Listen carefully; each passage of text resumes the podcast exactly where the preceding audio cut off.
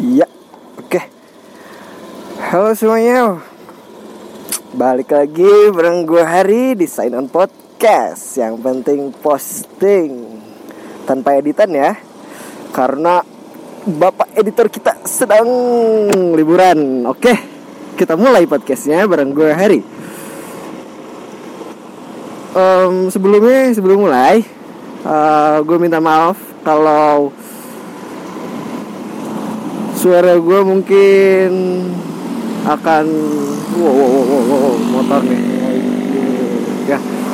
Suara gue akan terdengar agak tidak jelas atau mungkin agak berisik di sini karena gue lagi dalam perjalanan pulang.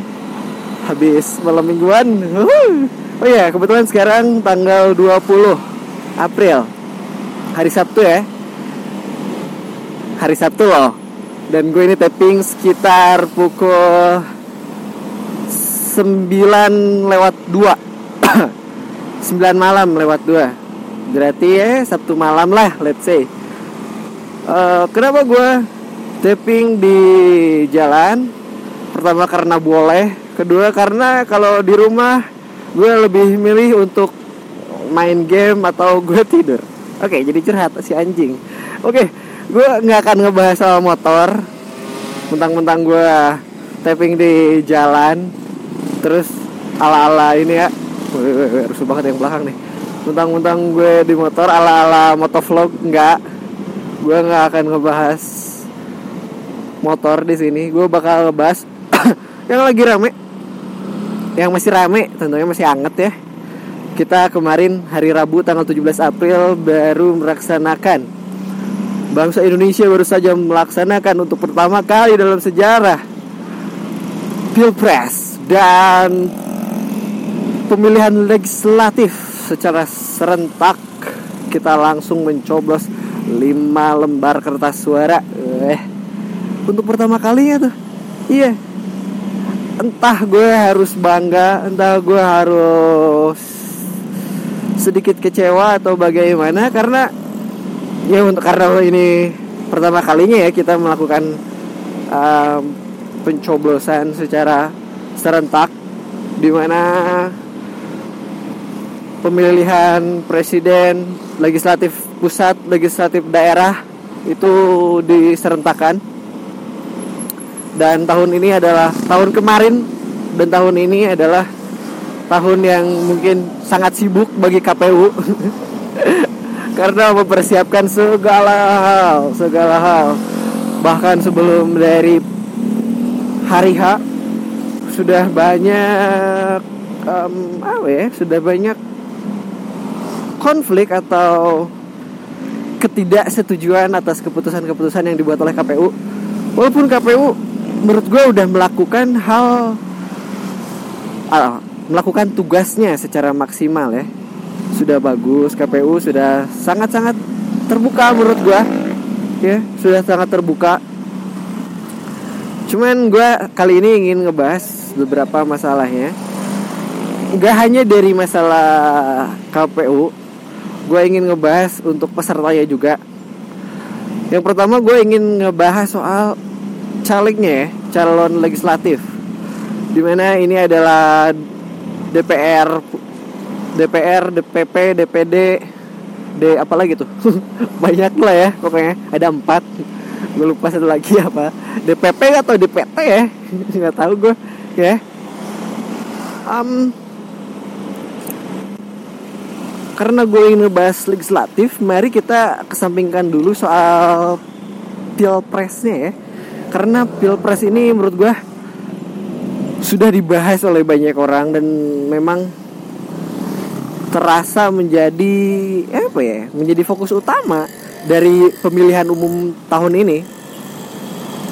Bayangin aja pilpres itu pilpres dan wapresnya ya sudah melakukan lima kali debat. Lima kali debat. Kurang banyak apa tuh? Lima kali debat. Itu tuh pertama em, dimunculin keduanya ya keduanya ya Oh, debat pertama tuh eh, capres dan cawapres. Nah yang kedua wapres eh enggak enggak. Iya presidennya dulu ya. Capresnya dulu baru wapres. Dan seterusnya lah ya. Gue lupa urutannya kayak gimana. Pokoknya sudah lima kali debat. Mereka sudah menurut gue sudah habis-habisan kemarin kemarin sudah habis-habisan menyampaikan visi misi dan programnya. Ya walaupun kita sama-sama tahu ya yang disampaikan pun hmm, ya. Debat kemarin pun serasa kocak ya ada kocaknya ada ada masuk akalnya. Yaitu tergantung persepsi masing-masing ya. Gue tidak ingin menggiring opini kalian untuk mengikuti opini gue seperti media-media saat ini gila. Ya gue gak mau menggiring opini kalian. Cuman ini ada curhatan gue sebagai masyarakat yang merasa hmm, gimana ya? Yang merasa gue ini bego. Begonya adalah bukan berarti gue tidak berusaha untuk tahu ya.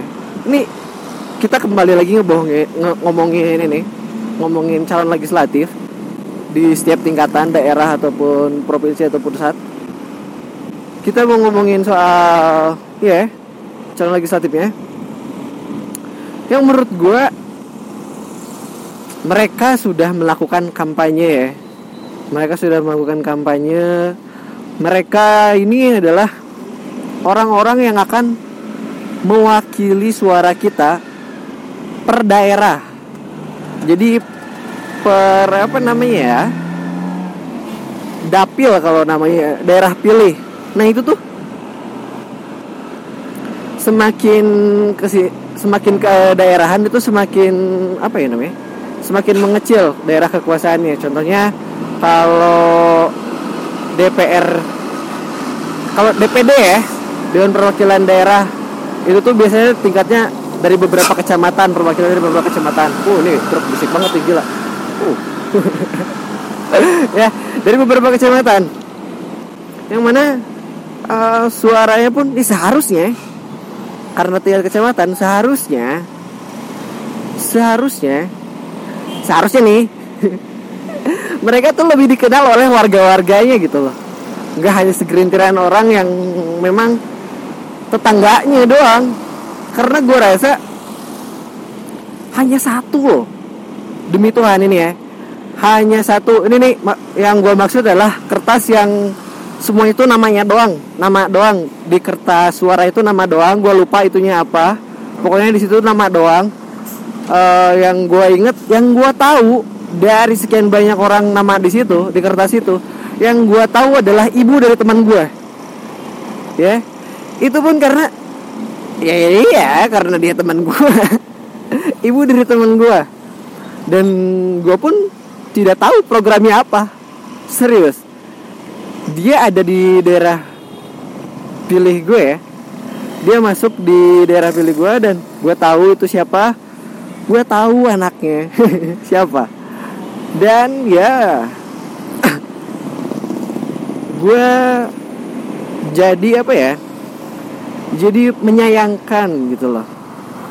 Kita ini Indonesia ini selalu digembor-gemborkan dari beberapa satu atau dua tahun kemarin ya digembor-gemborkan kita sudah mulai memasuki era industri 4.0 Ya walaupun Jepang tuh kampret ya Mereka udah mau masuk ke persiapan Masuk ke era industri 5.0 Kita masih persiapan dan kita masih kalut Dengan persiapannya sendiri.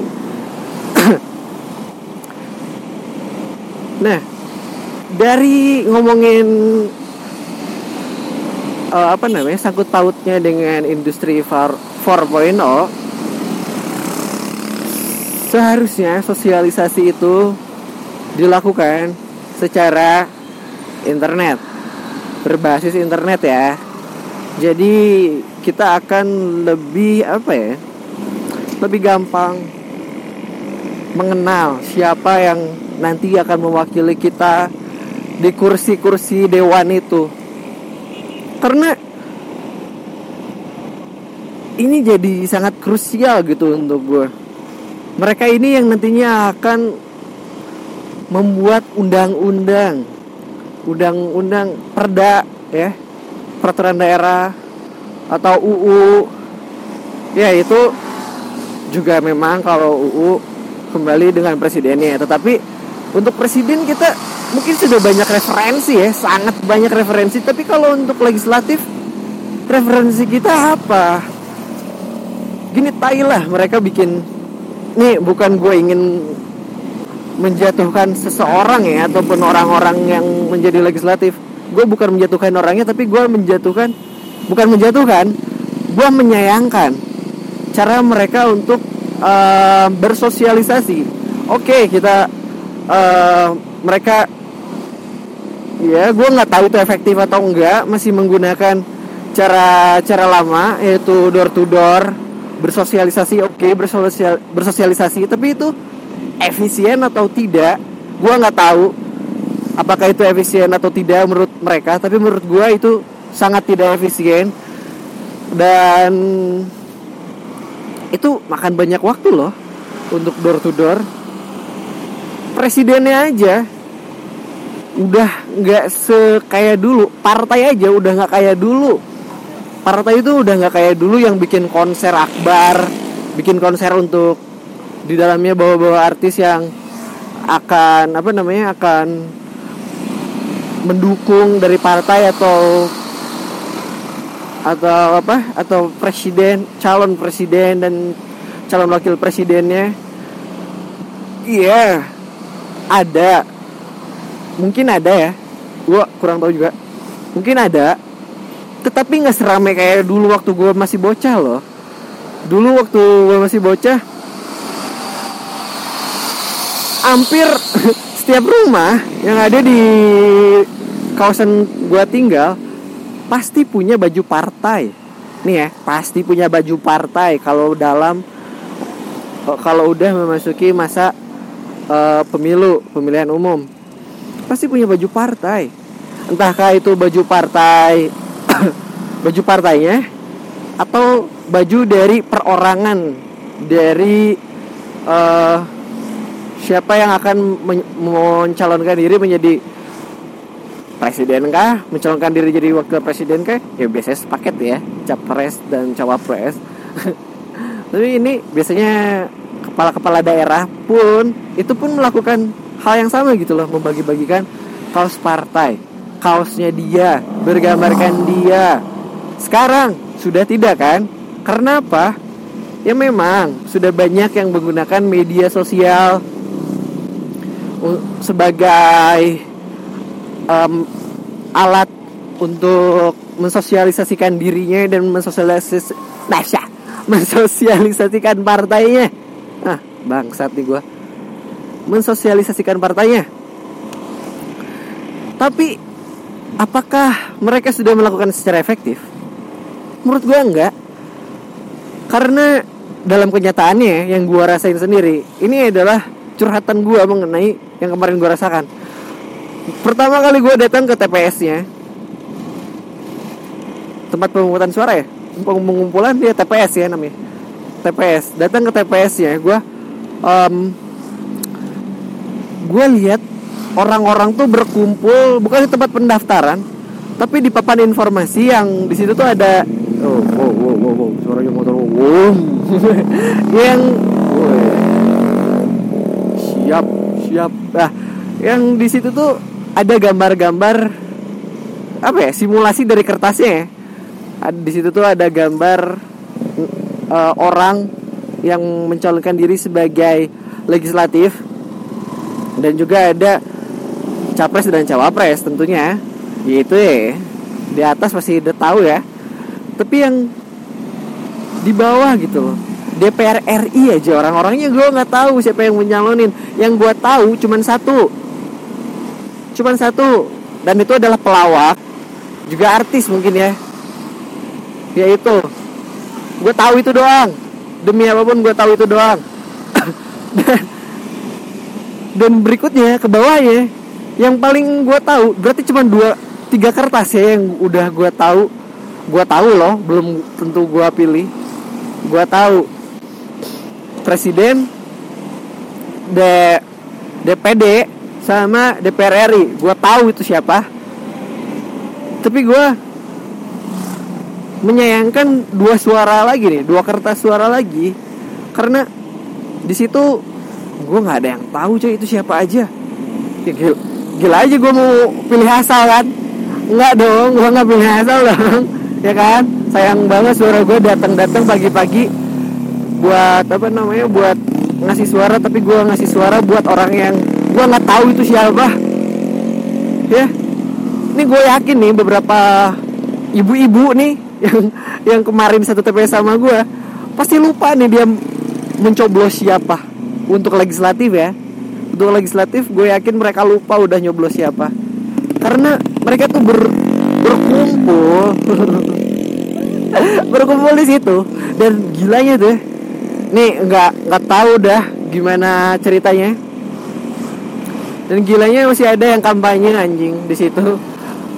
Jangan lupa ya ya, ya oke. Okay. awalnya ibu ini uh, memberikan arahan untuk bagaimana caranya kita mencoblos di dalam nanti.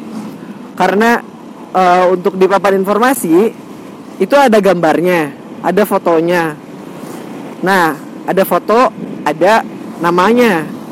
Dan dari partai mana dia. Tapi kalau di bilik suara itu um, cuman ada nama, nomor dan dari mana partainya. Nah, ibu ini baik awalnya. Awalnya baik kan. Oh, dia bukan panitia, tapi dia oh, mengarahkan. Oh, baik ya. Oke, baik.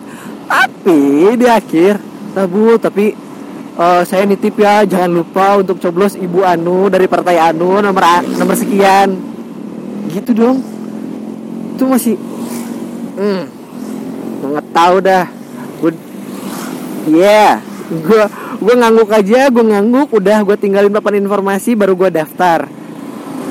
Papan informasi itu juga nggak bantu bantu amat gue sih sebenarnya karena gue nggak tahu programnya apa visi misinya apa.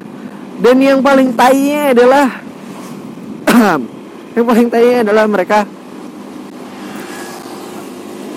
hanya memasang hmm, apa tuh? Spanduk poster di jalan. Hanya memasang nama mereka nomornya mereka dari mana partainya. Dan sebagian menambahkan uh, slogan ya atau tagline dari mereka. Dan biasanya yang punya punya tagline ini adalah yang di DPR RI ya yang gue lihat kebanyakan. Mirisnya adalah dari perjalanan gue dari rumah ke kampus. Itu tuh gue berani bilang kalau setiap 1 sampai 10 meter itu pasti ada uh, baliho poster ataupun spanduk daripada calon-calon legislatif ini. Kalau presidennya gue lihat calon presiden dan calon wakil presidennya gue lihat tidak terlalu banyak walaupun ke arah lain atau ke jalur lain gue lihat ada ada ya gue tidak meng tidak ada kan? Karena memang ada. Nah ini tuh tai menurut gue tainya adalah seperti yang gue bilang tadi ya di awal kita kan sudah mulai masuk ke dalam industri 4.0 di mana berbasis dengan internet dan teknologi tentunya. Kenapa tidak memanfaatkan internet dan teknologi? Mereka bisa lebih membuat hal-hal yang asik gitu loh dengan internet. Bikin game kah? Dulu 2014 Jokowi Prabowo ada gamenya. Sekarang kagak. Jokowi Prabowo dulu ada gamenya. Gue belum tahu tahu acan tuh. Soal industri 4.0 kagak pernah denger tapi gamenya ada. Kenapa? Karena saat itu game di Play Store apa pun itu sampai tahu-tahu bulat aja ngetrend dong. Saat itu sekarang kenapa tidak melakukan hal yang sama dengan membuat game-game yang membuat kita tahu gitu loh? Ini siapa sih? Ini apa sih? Biar seru gitu loh. Demokrasi yang seru loh.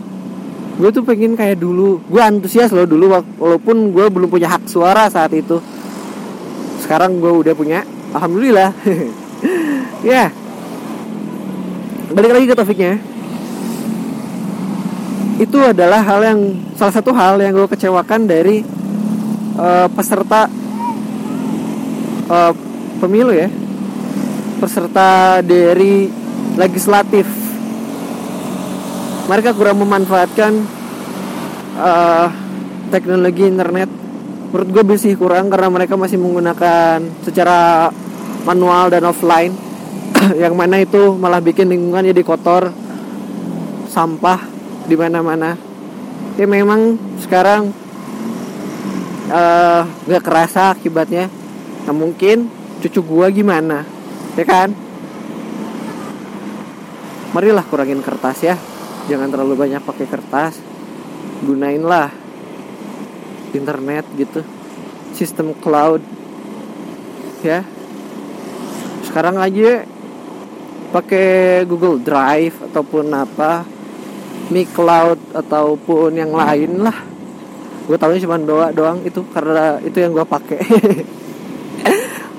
Berikutnya adalah gue mau ngebahas ke KPU-nya tadi yang udah gue bilang KPU sudah bekerja keras bahkan sebelum tahun 2019 sejak pendaftaran legislatif dan uh, presiden dan calonnya. Mereka sudah bekerja sangat keras membuat sistemnya merumuskan sistem bagaimana uh, pemilihan ini akan berlangsung dan bagaimana mungkin penghitungannya juga. Gue uh, respect dengan KPU ya mungkin karena ini adalah pemilihan besar yang pertama untuk kita Indonesia.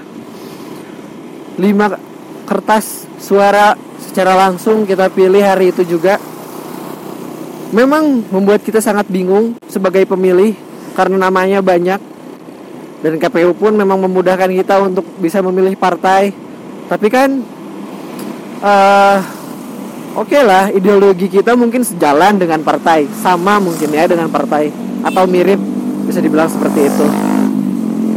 Tapi nanti yang memilih orang untuk duduk di kursi itu kan berarti partai ya kalau kita pilih partai. Yang milih berarti nantinya partai. Sedangkan pilihan partai itu kan belum tentu sama dengan apa pilihan gua. Itu poin yang mungkin perlu dipertimbangkan lagi nantinya ya. Berikutnya adalah sebelumnya gue mau turut berduka cita juga untuk petugas sebagai panitia yang ada di TPS yang gue tahu ada di Jawa Barat. Ada yang sekitar 12 orang gugur di Jawa Barat menjaga TPS demi kelancaran uh, pemilihan umum ini tentunya. Gue turut ber berbela sungkawa dan juga gue harap ini menjadi pertimbangan kembali KPU nantinya ke depannya. Bagaimana agar kejadian ini tidak terulang lagi? Karena memang hmm, surat suara ini kan banyak ya. Terus banyak eh, dokumen-dokumen uh, juga kalau setelah pengisian penghitungan suara setelah penghitungan suara banyak dokumen yang harus diisi yang harus ditandatangani. Uh, banyak yang kelelahan juga karena uh, seret nih anjing. Ya karena orang-orang yang menjadi panitia di KPU pun maksud gue di TPS ya yang jadi panitia di TPS pun yang pulangnya tuh pagi loh sampai pagi ada yang pulang jam 1 ada yang pulang jam 3 jam 4 jam 5 pagi baru pulang. Sedangkan sebelumnya mungkin sudah ngejaga satu malam sebelumnya sudah menjaga sebelum mulainya pemungutan suara di tanggal 17 tanggal 16 mungkin udah jaga. Tanggal 17 melakukan pemilu serta penghitungan suara dan pengisian dokumen. Beres-beres tanggal 18 dini hari ada yang mungkin sampai pagi ya nah ini mungkin yang seharusnya bisa dipertimbangkan lagi karena ya balik lagi ke industri 4.0 tadi kita harusnya sudah bisa melakukan pemilihan umum dengan berbasis online. Kita pun tidak akan banyak anggaran yang dikurangi kalau kita melakukan secara online. Mungkin yang saat ini ditakutkan adalah hacking ya. Ya, kita tahu Indonesia punya orang-orang IT yang luar biasa di bidangnya.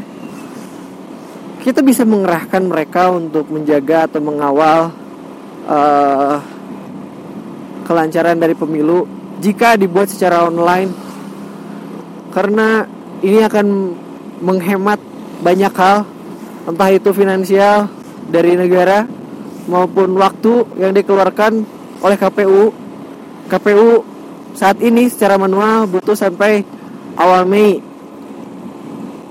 Dan belum tahu tanggalnya kapan. Sampai awal Mei. Dan mereka pun mempunyai tim sendiri untuk merekap data dimasukkan secara online yang mana itu adalah uh, transparansi dari KPU untuk kita sebagai masyarakat supaya tahu uh, sudah berapa banyak suara yang masuk dan sebagai uh, acuan kita melihat siapa yang nantinya akan mewakili kita di kursi-kursi itu. Tetapi saat ini gue rasa miris ya. Kita berdemokrasi berarti harus kemarin kita sudah uh,